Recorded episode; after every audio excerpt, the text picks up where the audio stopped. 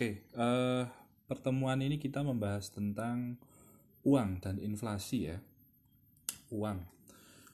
Saya rasa pastilah semua orang ngerti uang ya. Nggak mungkin eh, nggak ngerti. Tiap hari kita pegang uang. Bahkan mungkin eh, tidur pun juga kepikiran masalah uang gitu ya. Sangat materialistis gitu. Tapi nggak masalah ya apa sih uang? Mungkin kita berpikir bahwa uang itu kekayaan. Ya. Padahal enggak. Belum tentu Anda uh, pegang uang banyak, nominalnya banyak, Anda kaya. Belum tentu. Belum tentu ketika nominal yang Anda pegang itu sedikit, Anda miskin. Nggak percaya? Contoh, Anda pegang satu dolar sama sepuluh ribu rupiah, kira-kira mana yang lebih besar nilainya? Ya, mana yang lebih besar nilainya antara satu dolar sama sepuluh ribu rupiah? Ya kalau kita lihat secara kasat mata, ya banyak sepuluh ribu. Ya, tapi ketika ada di belakangnya embel-embel dolar sama rupiah, jelas satu dolar yang menang. Ya, maka yang jadi uh, ukuran itu adalah apanya? Nilainya, bukan uangnya, bukan fisiknya. Ya. Maka di sini dijelaskan adalah uang itu adalah uh, alat tukar saja. Benda yang diterima oleh masyarakat secara umum sebagai alat tukar dalam kegiatan ekonomi. Alat tukar. Contoh misalkan, jadi highlightnya di sini adalah alat tukar. Anda uh, memiliki kekayaan yang ber, yang uh, mau Anda tukarkan melalui apa mediumnya uang. Ya. Kalau yang di highlight adalah alat tukar, maka hampir apa pun seharusnya bisa menjadi uang atau bisa dianggap sebagai uang. Contoh misalkan, uh, anda ngerjakan PR ya. Katakanlah saya kasih PR gitu kemudian ada dosen lain yang memberikan PR terus Anda saling bertukar dengan teman. Anda mengerjakan tugas saya teman Anda mengerjakan tugas lain terus ditukar. Nah apakah PR itu sebagai uang kan alat tukar? Ya. Maka belum tentu. Nah, tidak bisa. Kita harus melihat persyaratan yang lain-lain. Contoh misalkan eh, anda ngasih contekan tadi ya, ngasih PR ke temen, tapi sebagai gantinya Anda minta dibelikan makanan di kantin, misalkan. Nah, maka Anda dengan alat tukar berupa tugas yang Anda sudah selesai kerjakan, Anda bisa memperoleh semangkok soto misalkan. Nah, alat tukar ya. Tapi apakah itu semua diterima? Ya, belum tentu. Maka eh, harus melihat persyaratannya secara uh, keseluruhan satu-satu kita lihat. Yang pertama diterima secara umum, ya. Uang harus diterima secara umum. Maksudnya apa? Maksudnya semua orang mau menerima. Nggak ada yang menolak. Contoh tadi misalkan, mungkin teman Anda bisa memberikan uh, semangkok soto dengan syarat Anda ngerjakan PR-nya dia. Alat tukar kan? Tapi kalau Anda bawa ke eh, pedagangnya langsung, Pak saya minta makanan satu piring gitu. Minta soto satu mangkok. Tak bayar pakai tugas. Apakah mau? Enggak. Digebukin salah-salah Anda. Goblok gitu. Kasarannya kayak gitu kan. Ngapain kamu beli soto kok pakai uh, tugas? Buat apa? Apa pentingnya buat saya? Maka tidak diterima secara umum tidak bisa dijadikan sebagai uh, uang atau mata uang. Contoh lagi misalkan Anda bawa dolar terus dibelikan uh, ke tukang soto yang lewat. Apakah dia mau terima? Kemungkinan besar nggak mau. Kemungkinan besar nggak mau. Ya 90%, 99% dia nggak akan mau. Maunya rupiah. Maka dolar walaupun dia uang, dan diterima di US tapi di kita tidak bisa diterima secara umum. Maka dia tidak bisa dijadikan uang. Ya, ya itu kondisi khusus sih. Secara umum kan uh, ya dolar ditransaksikan bisa tapi kan uh, tidak umum di suatu tempat khususnya di Indonesia untuk dipakai gitu kan. Oke itu yang pertama diterima secara umum. Semua orang semua kalangan mau menerima yang kedua mudah dibawa. Ya. Bayangkan kalau misalkan uangnya itu eh, segede peta gitu, harus dilipat beberapa kali. Nah, eh, tapi itu eh, apa ya? Mungkin lebih ke persyaratan yang ya nggak nggak penting-penting amat sih, mudah dibawa itu. Karena ada juga kan alat tukar alat tukar yang uh, uang misalkan uh, saya pernah membaca di beberapa kebudayaan eh, menggunakan mata uang yang dipahat dari batu dan gede banget. Tapi itu diterima sebagai alat tukar. Maka ya mudah dibawa ini eh, ya betul syarat tapi saya rasa bisa kita sedikit abaikan lah. Apalagi sekarang uang uh, uang uang elektronik ya uang digital Anda ngisi OVO, Anda ngisi Dana, GoPay dan lain sebagainya itu kan bisa ditransaksikan dan sangat mudah dibawa karena bentuknya digital. Nah, terus yang nomor tiga tidak mudah rusak atau tahan lama.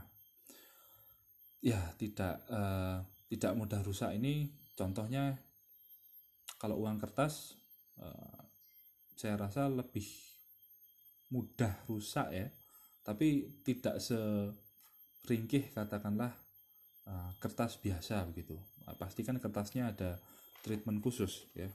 Sehingga misalkan basah nggak masalah gitu ya. Kecelup air nggak langsung hancur. Tuh dia nggak boleh uh, dia, dia harus tahan lama. Kemudian yang keempat nilainya stabil. Stabil artinya apa? Tidak naik turun. Ya tidak naik turun. Kalaupun naik turun itu tidak terlalu ekstrim. Hari ini uh, katakanlah anda menggunakan mata uang dari batu akik gitu misalkan ya. diterima secara umum eh, sudah tidak memenuhi sebetulnya ya tapi anggaplah itu diterima secara umum. Kemudian mudah dibawa iya bisa kalau dirupakan dalam bentuk batu gitu ya kecil kayak kerikil gitu misalkan. Tidak mudah rusak oh tahan lama awet nggak masalah. Stabil nah tidak memenuhi syarat di sini kemarin eh, satu gitu katakanlah batu akik itu ya. Dia uh, bisa sampai puluhan juta. Atau yang lagi ngetren sekarang tanaman itu ya janda bolong itu ya. Nah, itu atau ikan cupang. Nilainya nggak stabil. Ketika banyak orang yang minta lagi ngetren nilainya bisa lebih tinggi. Nah, maka nilainya tidak stabil ini yang dia tidak bisa dijadikan sebagai uang. Kemudian yang kelima dapat dibagi tanpa mengurangi nilai atau divisibility-nya ikan cupang misalkan tadi dibaginya gimana? Dipotong kepalanya mati. Ya tentu mengurangi nilai ya. Beda dengan uh, uang logam misalkan. Kalau uang logam anda potong jadi dua gitu ya. Masih ada nilainya nilainya tidak berkurang secara utuh gitu ya. 500an gitu misalkan Anda potong jadi dua maka Anda mendapatkan logam seharga ya 500 itu maka nilainya kan tidak hilang. Ya. bisa dibagi tanpa mengurangi nilainya. Kalau ikan cupang tadi Anda potong mati kan nggak ada nilainya karena nilainya ada di kehidupannya. Tanaman misalkan Anda tebang ya nilainya hilang tidak bisa maka dia tidak bisa dijadikan uang Kemudian nomor 6 dijamin oleh pemerintah. Ini yang paling penting ya. Apa sih yang paling eh, bernilai dari selembar uang? Itu adalah apa? Tanda tangan gubernur Bank Indonesia atau Bank Sentral. Coba Anda dapat uang 100 ribu, tapi nggak ada tanda tangannya gubernur BI. Percuma. Nggak ada bedanya sama kayak uang monopoli. 100 ribu depannya gambarnya Soekarno Hatta tapi belakangnya Donald Duck. Nah, sama aja bohong oke? Tidak dijamin oleh pemerintah itu makanya. Nah oke sekarang lanjut ke slide berikutnya. Ya setelah tadi ciri-cirinya. Nah sekarang fungsinya. Ya fungsinya atau kegunaannya. Fungsinya asli itu cuma dua. Alat tukar sama alat hitung di lain itu dia fungsi turunan. Maksudnya apa? E, fungsi asli dia e, agak sulit untuk digantikan dengan barang lain. Contoh misalkan alat tukar ya. Anda pakai alat tukarnya katakanlah koin emas. Apakah bisa? Bisa tapi kan setengah mati sulitnya. ya setengah mati. Anda mau beli cilok eh, sepuluh ribu mas gitu. Terus anda mengeluarkan emas uh, cincin emas gitu. tak bayar pakai cincin ya mas. Saya yakin orang yang bilang wes mas ndak usah beli cilok di saya. Tak kasih sak gerobak gerobak karena kamu, karena kamu ngasihnya cincin emas kan gitu. Atau emas batangan yang 5 gram gitu. beli 10 ribu terus mau dikir diambil debunya sedikit hilang ya opo kan gitu. Maka memudahkan uang itu kan sebagai alat tukar. Seperti tadi yang dijelaskan eh, emasnya disimpan terus kita bawa notesnya kan gitu. Notesnya itu atau eh, catatan bahwa anda menyimpan emas itu yang digunakan sebagai alat transaksi. Kemudian alat satuan hitung, ya memudahkan untuk menghitung saja. Harganya berapa?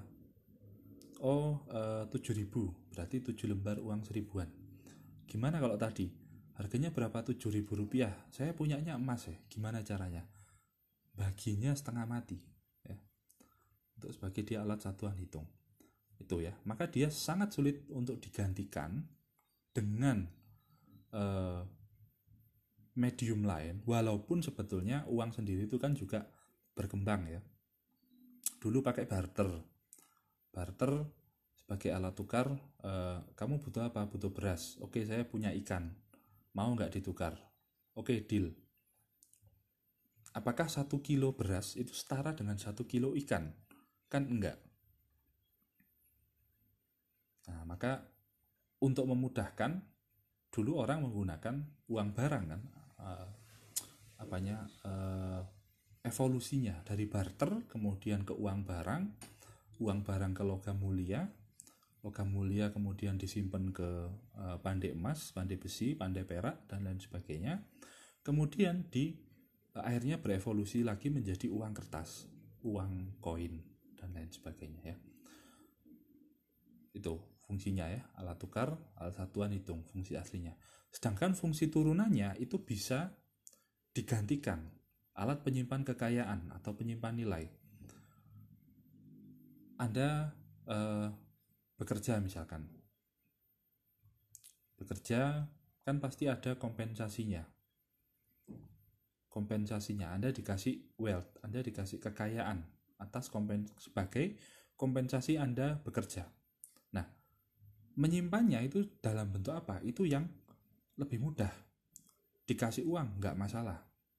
Anda tetap punya kekayaan, Anda tetap punya nilai seharga uang tersebut. Misalkan di eh, Anda menyimpan kekayaan dalam bentuk emas batangan tadi, apakah nggak bisa? Bisa. Nah, maka dia bisa digantikan sebagai alat penyimpan kekayaan uang itu dirupakan dalam bentuk tanah misalkan apakah nggak boleh? Boleh-boleh aja. Dan lain sebagainya. Ya bisa laptop misalkan. Anda menyimpan kekayaan Anda dalam bentuk laptop. Anda menyimpan kekayaan Anda dalam bentuk uh, gadget lainnya ya HP tablet misalkan. Atau kendaraan biasanya ya. Hewan ternak juga bisa kan? Nah, kalau udah kaya dibelikan sapi dibelikan kambing buka peternakan ya. ternak lele. Nah, kekayaan kan? Terus yang kedua adalah alat pembayaran. Ya pembayaran. Tidak harus uang orang untuk membayar suatu hal itu. Tadi misalkan kerja dibayar beras. Nah, kalau sekarang nggak umum ya tapi dulu kan lebih umum. Kerja dikasih beras. Kerja dikasih uh, mungkin uh, apa ya kain atau apa kayak gitu kan alat pembayaran sekarang toh membayarnya juga tidak dengan uang ya dengan uang uang kartal maksud saya tapi dengan uang elektronik Anda makan bayarnya GoPay, Anda makan atau pakai uh, kegiatan apa gitu ya, Gojek, apa, kirim barang mungkin Gosen, bayarnya GoPay, bayarnya OVO, Dana dan lain sebagainya. Maka alat pembayarannya tidak harus uang. Tidak harus uang. Kemudian yang ketiga alat pemindah kekayaan juga ya sekali lagi tidak harus uang. Transfer bank pun bisa dan lain sebagainya. Maka memindahkan kekayaan, menyimpannya itu tidak harus uang. Sebagai media saja salah satunya. Ya. Dan karena dia bisa digantikan dengan e, barang lain, bisa digantikan dengan media lain, maka itu e, dikatakan sebagai fungsi turunan, bukan fungsi aslinya. Kalau fungsi aslinya sangat sulit untuk digantikan uang itu ya. Oke.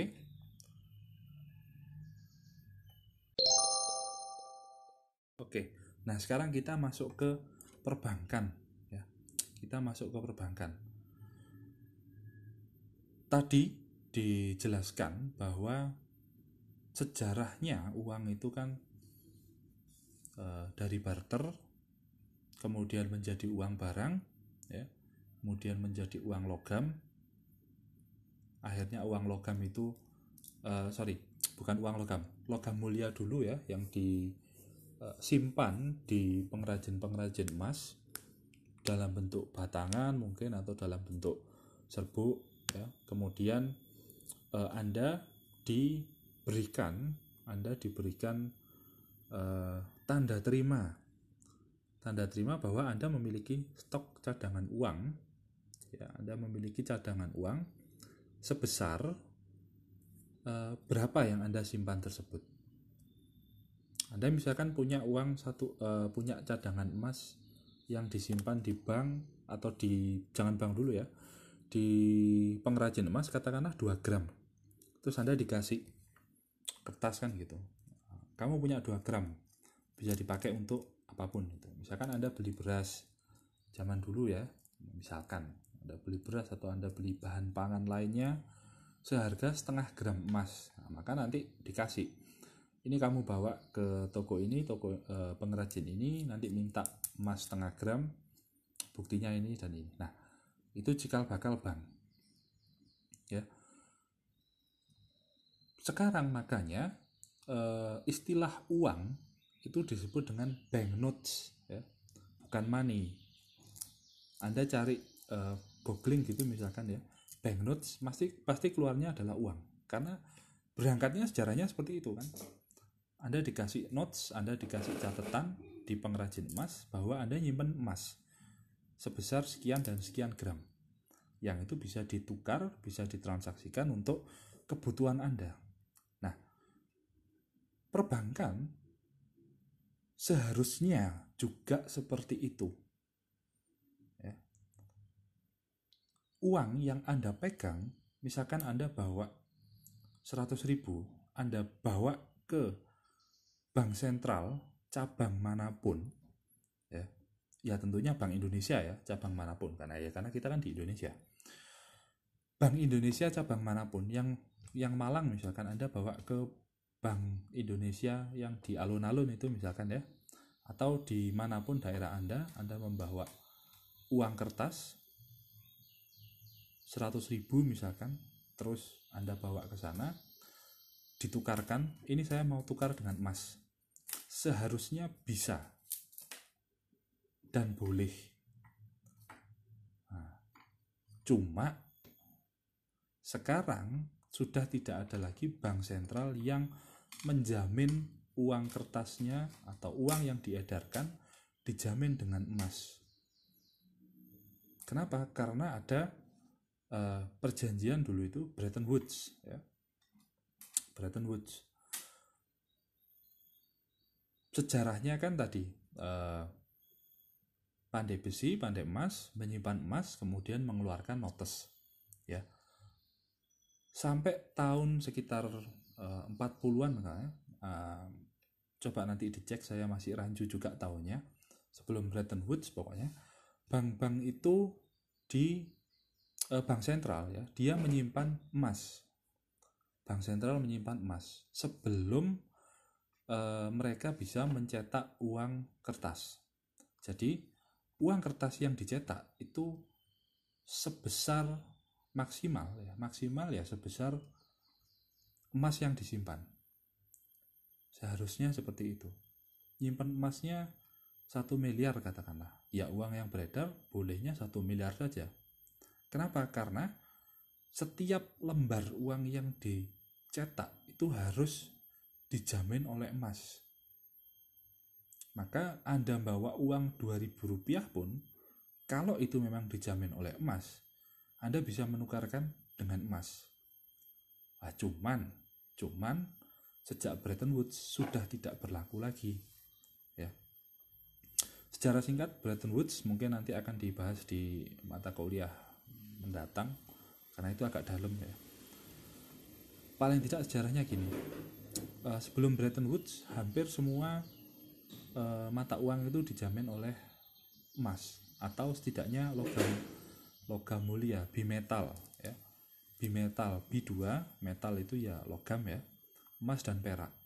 Ada yang pure emas ada yang pure perak. Nah sejak Bretton Woods eh, mata uang tidak ada lagi yang dijamin oleh emas. Hanya dolar. Ya, hanya dolar. Maka dolar pada saat itu, sejak saat itu menjadi salah satu mata uang yang paling kuat. Kenapa? Karena dia dijamin emas. Dan mata uang lain, sejak Bretton Woods, dia tidak ada yang dijamin oleh emas maupun perak. Tapi dijamin dengan mata uang-mata uang yang lebih kuat. Dolar kah, kemudian uh, franc ya, mata uangnya Prancis, atau pound sterling ya hanya dolar yang dijamin oleh emas kemudian sekitar tahun 70-an saya lupa tepat tepatnya ketika uh, masa kepemimpinannya Reagan Ronald Reagan itu ya perjanjian itu dihapus akhirnya sampai sekarang dolar pun juga tidak dijamin oleh emas hanya dijamin oleh kepercayaan semua mata uang gitu ya. Kepercayaan apa? Kepercayaan bahwa mata uang tersebut bisa digunakan untuk transaksi di mana? Suatu wilayah, suatu kawasan. Maka itulah kenapa kalau Anda bawa mata uang pound sterling misalkan ya, atau dolar, Anda pakai jajan di kantin, di kampus, Anda akan ditolak. Kenapa? Karena orang-orang tidak percaya di Indonesia yang dipercaya adalah rupiah. Anda bawa rupiah, dipercaya bahwa oh itu memang sah. Itu memang dijamin oleh pemerintah. Ada nilainya. Nah, kalau dolar Anda pakai di uh, beli cilok tadi ya, ya nggak ada yang mau orang-orang. Karena mereka percayanya rupiah seperti itu maka itu perbankan berangkatnya di sana uh, istilahnya mereka sebagai lembaga intermediasi. Menjembatani antara orang yang perlu uang dan yang kebanyakan uang. Ya. Ya saya sampai sekarang masih berada di posisi yang perlu uang bukan yang kebanyakan uang. Kalau saya kebanyakan uang saya nggak akan kerja. Ya. Oke, uh, itu perbankan ya. Berikutnya. Nah, uh, oke, okay, berikutnya lagi masih asal mulanya ya. Nah, sekarang uh, kita masuk ke pembahasan tentang bank sentral. Banknya bank, bahe bank gitu ya. Dedengkotnya bank di ya di mana pun, di negara mana pun gitu ya. Namanya bank sentral. Nah, eh, jangan salah kaprah ya ketika anda ditanya siapa yang menerbitkan uang Bank Indonesia? Enggak. Bank Sentral. Kebetulan di kita namanya Bank Indonesia. Karena kita di Indonesia. Kalau di Inggris ya bukan Bank Indonesia tapi bank sentralnya mereka itu ya. Itu.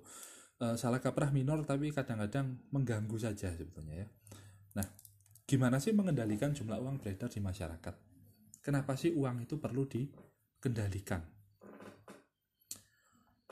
Uang itu dia merepresentasikan daya beli masyarakat ya daya beli masyarakat Maksudnya gimana? Maksudnya eh, kemampuan Anda untuk memperoleh barang maupun jasa itu digambarkan dengan uang. Contoh misalkan Anda punya uang Rp10.000 bisa untuk beli e, bensin 1 liter katakanlah. Terus Anda punya uang lagi 20.000. Berarti Anda e, bisa membeli berapa? 2 liter. 30.000 berarti berapa? 3 liter dan seterusnya. Semakin banyak uang yang Anda pegang, ya, maka daya beli Anda akan semakin besar. Loh, bagus dong. Kalau gitu berarti semakin banyak uang beredar, orang akan semakin kaya. Ya, secara teknis memang betul. Seperti itu. Tapi kalau kita lihat maka eh, kembali ke Anda ingat-ingat kembali ten materi tentang permintaan dan penawaran. Apa yang terjadi kalau permintaannya dia sangat tinggi, tapi tidak bisa tidak bisa direspon dengan penawaran barang dan jasa yang sama tingginya. Akhirnya apa?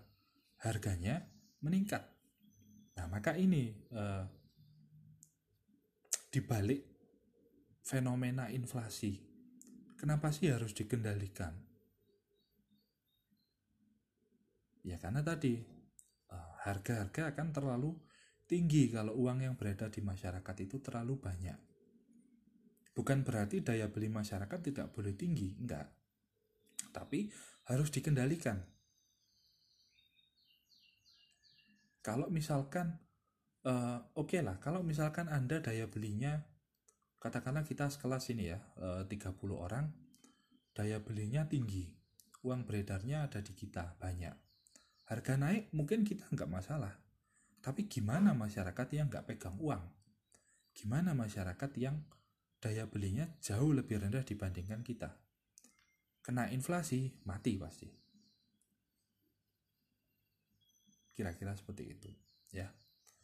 Oke uh, gimana sebetulnya bank sentral mengendalikan jumlah uang beredar di slide berikutnya? Nah oh nggak ada. Oke uh, ada yang namanya kebijakan fiskal dan moneter. Ya. Kaitannya dengan uang kaitannya dengan uang berarti kita ngomong kebijakan moneter. Ya kebijakan moneter. Uh, beberapa beberapa cara untuk mengendalikan uang beredar. Contoh misalkan tadi ada uh, operasi uh, pasar terbuka ya atau bisa juga misalkan uh, mengatur ini apa reserve requirement yang ada di bank. Ya. Kebijakan moneter itu ada dua ya, kebijakan uh, kontraktif dan ekspansif. Kontraktif dan ekspansif. Anda lihat aja dari dari apanya uh, kata-katanya dari namanya expand expand ya dari dasar katanya expand. Artinya apa? E, berkembang. Kebijakan moneter yang digunakan atau di diambil begitu ya untuk meningkatkan jumlah beredar uang beredar di masyarakat eh, terlalu sedikit nih akhirnya digenjot gimana caranya ditambah? Gimana caranya ngas, uh, supaya masyarakat pegang uang? Ya kan nggak mungkin giveaway ya pemerintah uh, mau kon mau ke, ambil kebijakan ekspansif terus ya udah uangnya disebar gitu aja. Nah, kita pinjam helikopternya uh, tentara gitu atau polisi terus disebar duit. Nah supaya lebih banyak. Kan tidak seperti itu. Ada caranya ya. Caranya apa? Uh, nanti di instrumen ya instrumen kebijakannya. Kita masih lihat jenis kebijakannya. Ada yang namanya tadi sudah ekspansif sekarang kontraktif. Kontraksi. Kontrak. Uh, artinya apa? Artinya ditarik tujuannya apa ya mengurangi jumlah uang beredar yang ada di masyarakat ya mengurangi jumlah uang beredar yang ada di masyarakat ditarik pemerintah uh, sorry masyarakat uangnya ada banyak terus berupaya dikurangi oleh pemerintah. Nah, itu dari sisi kebijakan moneter, kebijakan fiskal eh, seharusnya di kelompok berikutnya. Seingat saya. Atau kemarin ya, saya lupa. Nah, intinya ada dua dalam kebijakan moneter ya. Eh, ekspansif dan kontraktif yang masing-masing ya memiliki tujuan tersendiri. Sampai sini ada yang mau ditanyakan dulu?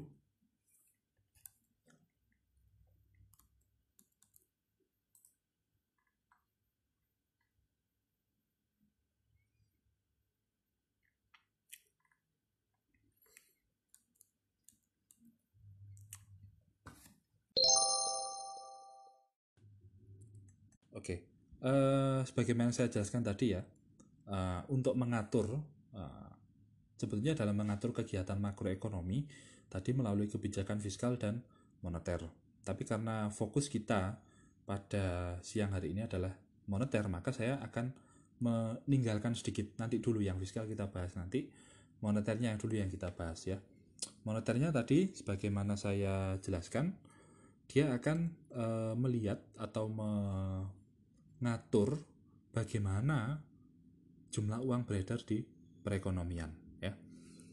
Di slide berikutnya. Uh, terus. Oke. Okay.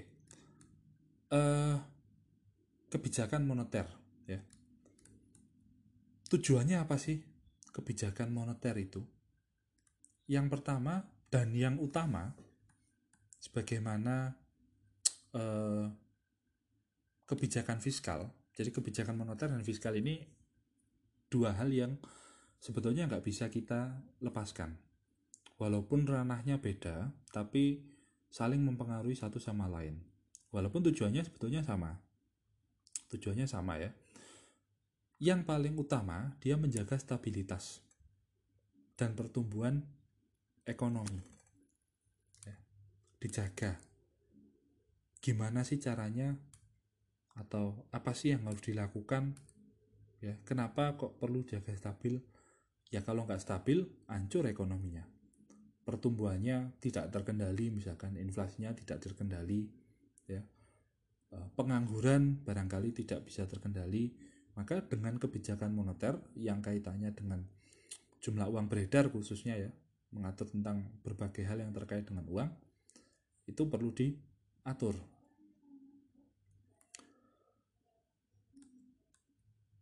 melalui apa? Ya, paling sederhana uh, kita punya dua ini seperti yang ditampilkan ya. Operasi pasar terbuka dan uh, diskon. Ya. Uh, coba yang pertama dari opera uh, diskon dulu yang lebih mudah. Diskon dulu yang lebih mudah.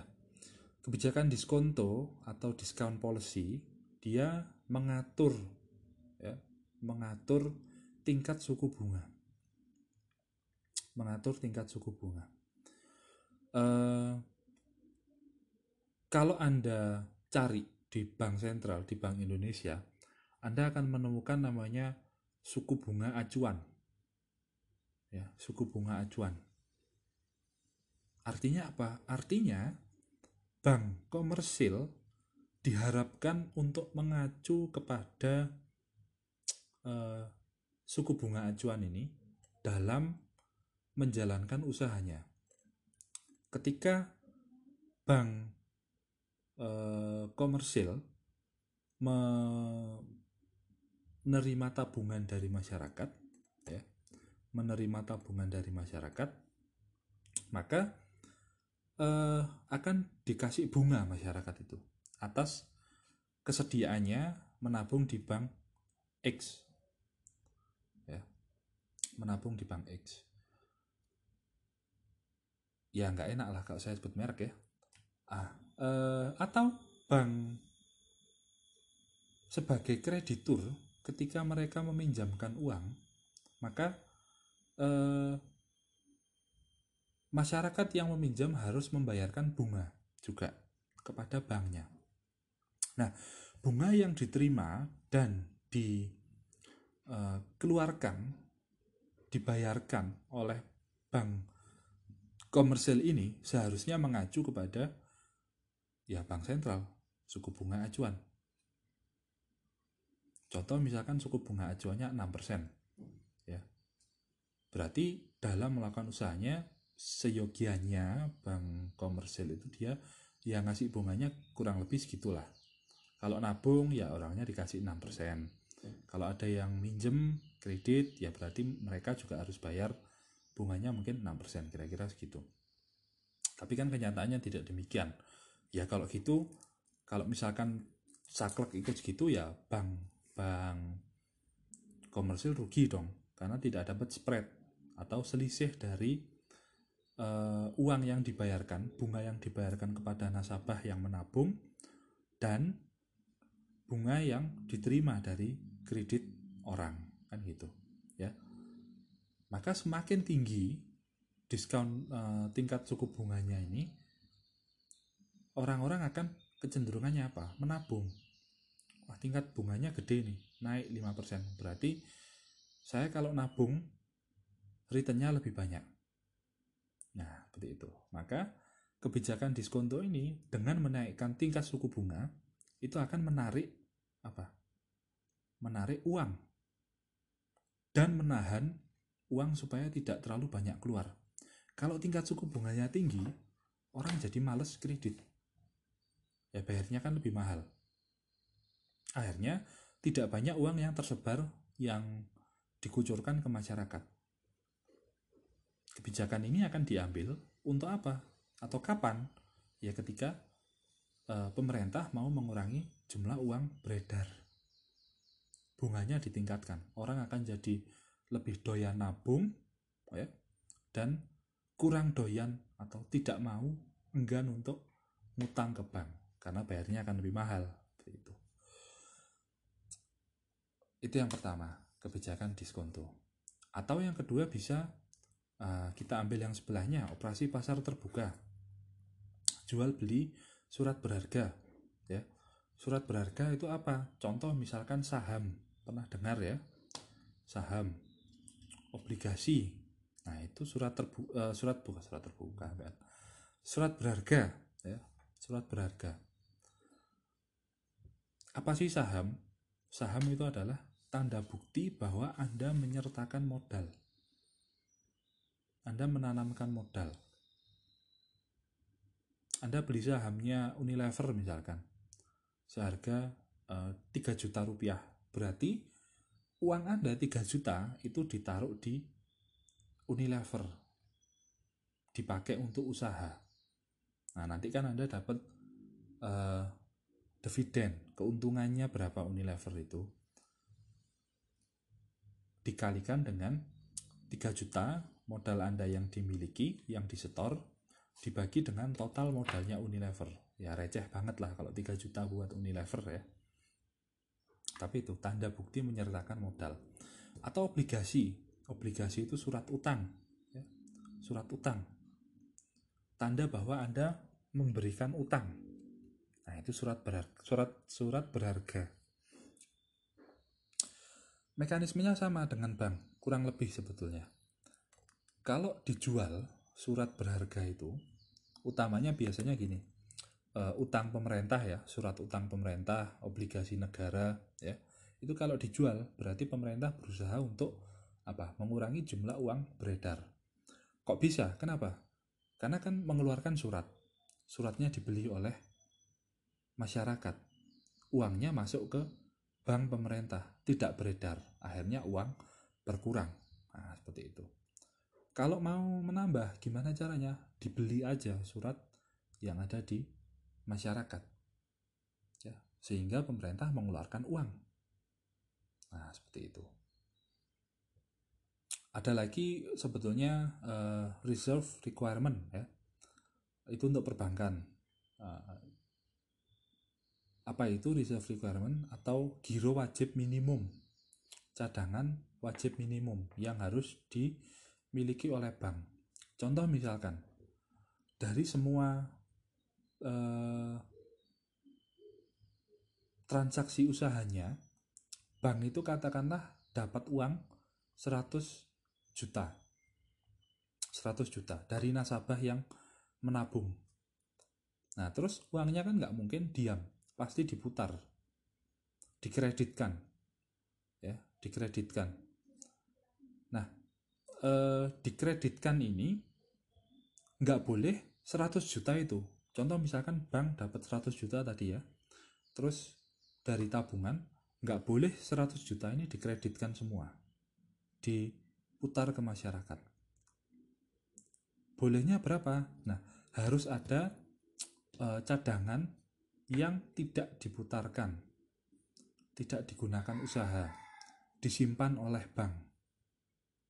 Berapa? Ya tergantung bank sentral. Penetapannya gimana? Contoh misalkan katakanlah GWM atau giro wajib minimum ya atau reserve requirement-nya adalah 10%.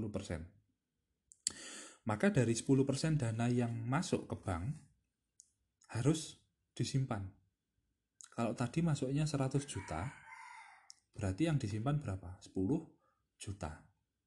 Nah, itu digunakan untuk menahan supaya uang beredarnya tidak terlalu besar.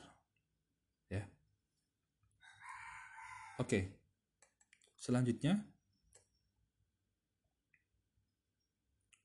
Nah, sekarang kita masuk ke pembahasan tentang inflasi. Apa yang terjadi kalau uangnya terlalu banyak seperti yang tadi saya jelaskan pegang uang banyak artinya apa artinya daya beli Anda tinggi. Daya beli kita tinggi. Daya beli yang tinggi tidak diimbangi dengan kemampuan suplai barang yang dan jasa yang baik. Dia akan mendorong harga. Mendorong tingkat harga. Maka proses meningkat harga secara umum dan terus menerus penyebabnya itu cuma dua sebetulnya ya. Cost push atau cost push karena kenaikan harga bahan baku sehingga memang harganya pasti naik. Atau demand pull? Karena masyarakat kebanyakan pegang duit, daya belinya tinggi, demandnya tinggi, tidak bisa diimbangi dengan uh, tidak bisa diimbangi dengan penawaran, ya, maka dia harganya naik secara terus-menerus. Nah, maka kalau kita melihat ya, kalau kita melihat penjelasannya ini fenomena naiknya harga barang ketika lebaran itu tidak bisa kita katakan sebagai inflasi sebetulnya. Kenapa? Karena ya harganya tidak keseluruhan, tidak secara umum yang naik. Paling cuma komoditas-komoditas tertentu. Daging misalkan, paling paling umum ya daging. Ayam, beras nggak terlalu ya. sayur-sayuran juga tidak naik kok kalau lebaran jarang ya. paling daging aja yang naik toh sama halnya dengan saat musim liburan. Biasanya naik-naik juga harganya ya. mau libur Natal atau libur panjang gitu ya biasanya pasti agak naik. Nah kenapa ini nggak bisa kita katakan inflasi? Karena satu tidak secara umum. Ya cuma komoditas tertentu saja. Terus yang kedua tidak terus menerus satu bulan setelah lebaran pasti harga daging turun hampir normal gitu ya. Dua bulan uh, pasti akan turun lagi. Saat apa? Idul Adha. Orang udah sampai sampai bosen makan daging kan gitu. Dari masjid dapat dari musola dapat dari langgar dapat nah, misalkan ya. Maka kenaikan daging itu nggak bisa kita bilang sebagai inflasi. Karena satu dia tidak secara umum dua tidak terus menerus nah, seperti itu. Ya. Nah eh, sekarang kita dalami inflasi ya. Kospus tadi seperti itu demand pool ya. Selanjutnya di slide berikutnya. Nah jenis-jenisnya ya. Yang pertama dari tingkat keparahan dulu. Oke. Uh,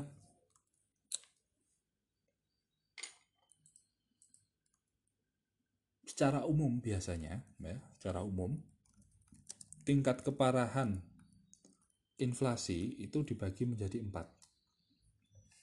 Ya dibagi menjadi uh, empat. Yang pertama adalah inflasi ringan. Inflasi ringan. Itu ciri-cirinya gimana? Biasanya dia kurang dari 10% per tahun. Nah coba anda cek uh, targeted inflationnya atau uh, inflation targeting sorry. Target inflasi pemerintah berapa? Coba dicek nanti ya. Biasanya uh, nggak terlalu tinggi tapi juga tidak terlalu rendah.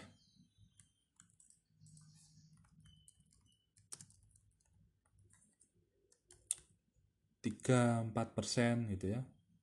Uh, ya tergantung tergantung ininya sih. Tergantung pemerintah ya. Negaranya mungkin ya pasti berbeda gitu ya. Itu tadi ringan ya inflasi ringan.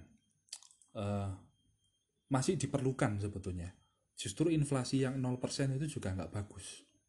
Kenapa? Karena berarti tidak ada insentif buat produsen. Kalau harganya segitu-segitu aja maka memang sebetulnya inflasi itu perlu. Ya. terus yang kedua sedang. Uh, sorry kalau kita sebut sebagai tingkat keparahan itu kayaknya nggak enak gitu ya. Tingkat inflasi gitu aja deh levelnya. Karena kenapa? Ringan kalau kalau keparahannya ringan itu kayaknya buruk gitu loh. Padahal inflasi ringan itu yang kita kejar. Kita tidak mengharap inflasi itu nol ya kita berharap ada inflasi ya 2-3 persen gitu lah. Maka eh, agak agak salah kaprah rasanya nggak enak kalau kita ngomong tingkat keparahan. Karena kalau ngomong tingkat keparahan kok kayaknya buruk gitu ya. ringan pun buruk karena parah gitu kan. Oke? Eh, tapi nggak masalah. Itu istilah yang sering dipakai aja sebetulnya. Kalau menurut saya nggak oke ya. Uh, tadi ringan kurang dari 10, kemudian sedang antara 10 dan 30 persen. Ya. Inflasi pada level sedang dia sudah berpotensi mengganggu mengganggu perekonomian. Sudah berpotensi. Uh, ya bayangkan harga naik 10 sampai 30 persen gitu ya pasti kan udah berat. Kesejahteraan masyarakat mungkin akan uh, sedikit terganggu walaupun tidak akan sampai uh, membahayakan negara yang terlalu gimana gitu ya sampai harus diambil tindakan luar biasa gitu enggak. Ya tindakan-tindakan yang uh, pada umumnya lah dilakukan untuk menekan inflasi. Terus nomor tiga berat. Berapa yang dikatakan berat? Antara 30 sampai 100 persen. Ya. 100 persen berarti dua kali lipat. Biasanya Anda beli bensin 7000 ya, seliter terus jadi 14000 nah itu berat inflasinya 100% berarti ini yang mulai mengganggu uh, hancur pasti pasti susah negaranya terus yang paling parah sangat berat atau hiperinflasi ya hiperinflasi itu dia di atas 100% kita pernah orde lama inflasi sampai 6 kali lipat. Artinya berapa? 600 persen. Biasanya Anda beli uh, cilok seribuan, sebiji gitu ya, yang gede, tiba-tiba jadi 6000. Nah, itu 6 kali lipat naiknya, 600 persen. Ya. Bisa disebabkan demand pull atau cost push tadi demand pool demand pool sorry demand pool itu karena tarikan permintaan cost push itu karena apa ada uh, meningkatnya biaya ya. meningkatnya biaya oke nah uh, sumbernya atau kalau dilihat dari asalnya ada yang domestik, ada yang uh, imported tadi ya. Domestik itu yang uh, dari dalam negeri, aktivitas ekonomi di dalam negeri. Kalau imported berarti dari luar negeri. Ada kegiatan apa di luar negeri, kita dagang, kemudian mengganggu, uh, mungkin jadi seret atau gimana, inflasinya kena juga ke kita. Nah, itu imported. Nah, bottleneck ini tadi yang bottleneck inflation itu yang fenomena tadi seperti hari raya itu ya karena e, distribusi mungkin ya sebetulnya penyebabnya. Barangnya macet barangnya macet kemudian e, menyebabkan harganya menjadi naik. Kalau arusnya udah lancar lagi ya udah nggak inflasi. Oke. E, selanjutnya